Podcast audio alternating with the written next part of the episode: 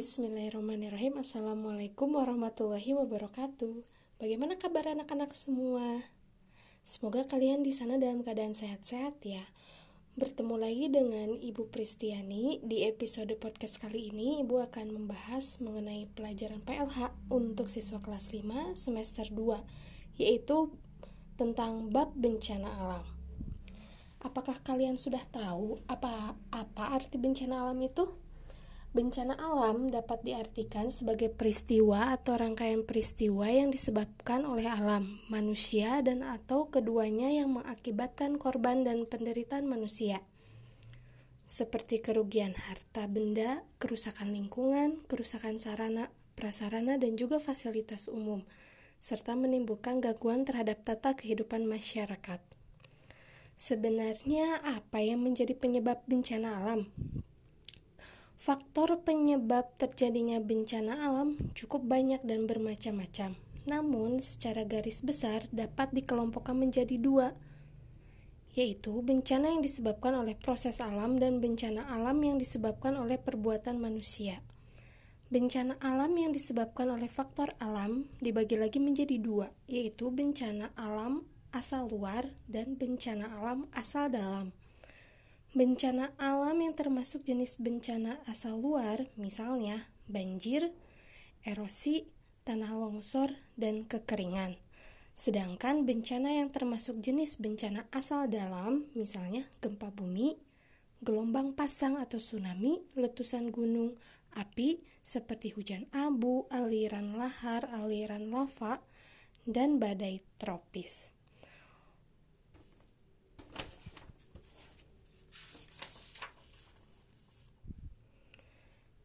Nah, apa saja macam-macam bencana alam? Untuk podcast kali ini, Ibu akan membahas bencana alam yaitu gempa bumi. Apakah kalian pernah merasakan gempa bumi sebelumnya? Ya, apa itu gempa bumi? Ya, gempa bumi adalah getaran atau gerakan bergelombang yang terjadi di permukaan bumi Gempa bumi umumnya terjadi akibat pergerakan batuan kerak bumi di sepanjang daerah patahan. Akibat pergerakan patahan dan pergerakan lempengan kerak bumi ini dapat menimbulkan energi. Jika energi yang telah berkumpul dalam kerak bumi melampaui batas kekuatannya, maka terjadilah pelepasan energi secara tiba-tiba. Gejala semacam ini akan menghasilkan gerakan kerak bumi yang disebut gempa bumi. Gempa bumi yang dihasilkan oleh peristiwa semacam ini disebut gempa tektonik. Bergetarnya bumi yang disebabkan oleh gelombang pada bagian atas dan bagian bawah pergerakan bumi dapat menyebabkan keretakan dan goncangan hebat pada permukaan bumi. Jika terjadi di tengah laut, dapat mengakibatkan tsunami, gempa bumi, serta tanah longsor. Gempa bumi juga disebabkan adanya pergeseran batuan dalam bumi Lewat celah-celah yang ada dalam lapisan bumi ini, magma dapat mengalir ke permukaan bumi hingga terjadilah letusan gunung berapi.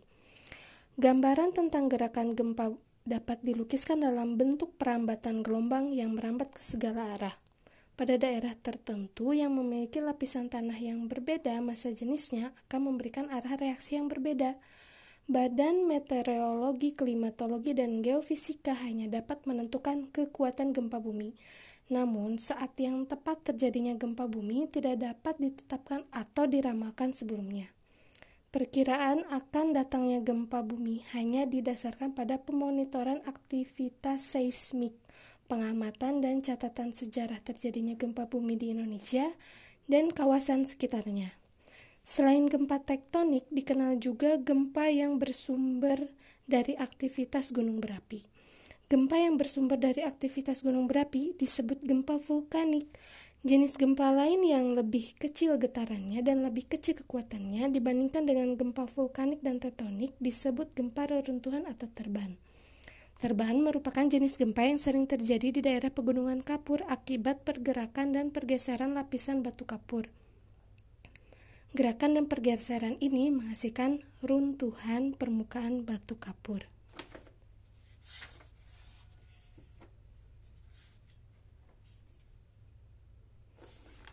Nah, sekarang Apa yang akan kalian lakukan jika gempa bumi terjadi? Gempa bumi merupakan salah satu bencana yang ditakuti semua orang karena akibat yang ditimbulkannya sering kali sangat besar dan sangat dahsyat. Walaupun demikian, kita tidak boleh ceroboh dan panik dalam menghadapinya.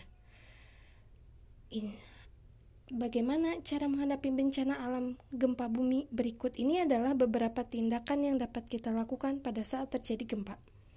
Yang pertama, berusaha untuk tenang dan berdoalah kepada Tuhan.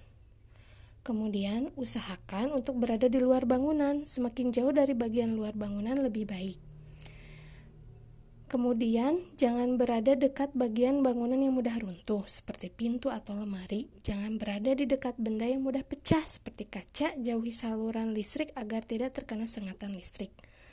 Jika sulit berlari, maka berdirilah di dekat dinding paling luar bangunan atau di sebelah luar bangunan. Jika berada dekat bangunan dan sulit berlari, dekati bangunan yang terbuat dari kayu. Bangunan dari kayu lebih aman dibandingkan bangunan tembok permanen.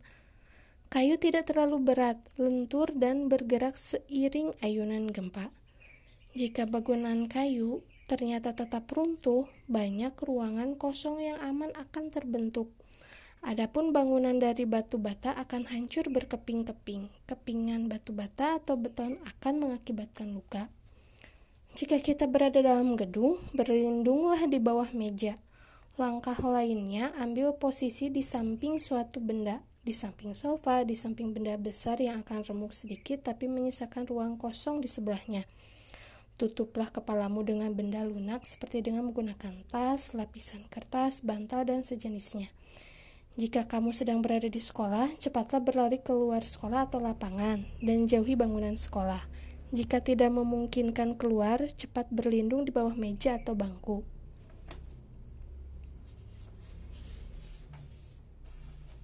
Jika masih memungkinkan keluar dan tidak terlalu bahaya, berjalanlah secara cepat dan hati-hati. Ketika, sampai di luar, usahakan menuju tempat lapangan yang aman atau yang tidak dekat dengan bangunan atau pepohonan. Jangan pernah lari melalui tangga karena akan mudah roboh. Tangga dan bagian lain dari bangunan akan terus-menerus berbenturan satu sama lain sampai terjadi kerusakan struktur dari tangga tersebut. Jika sedang berada dalam kendaraan seperti dalam mobil, maka segeralah untuk berhenti di tempat yang luas dan jauh dari gedung-gedung atau bangunan. Usahakan keluar dari kendaraan dan berbaring atau tiarap di samping kendaraan.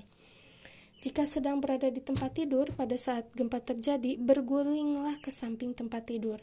Jika kondisi sudah tenang, usahakan keluar gedung dan ingat-ingat wajah teman atau orang di sekitar kalian. Mungkin ada yang tertimpa reruntuhan dan hilang. Sesudah goncangan selesai dan keadaan tenang, tarik nafaslah pelan-pelan lalu keluarkan. Segera menuju tempat penanganan bencana atau penampungan. Demikian penjelasan mengenai bencana alam gempa bumi. Bagaimana kalian semakin mengertikan apa itu bencana alam gempa bumi? Terima kasih anak-anak semua sudah meluangkan waktunya untuk mendengarkan episode podcast bencana alam kali ini.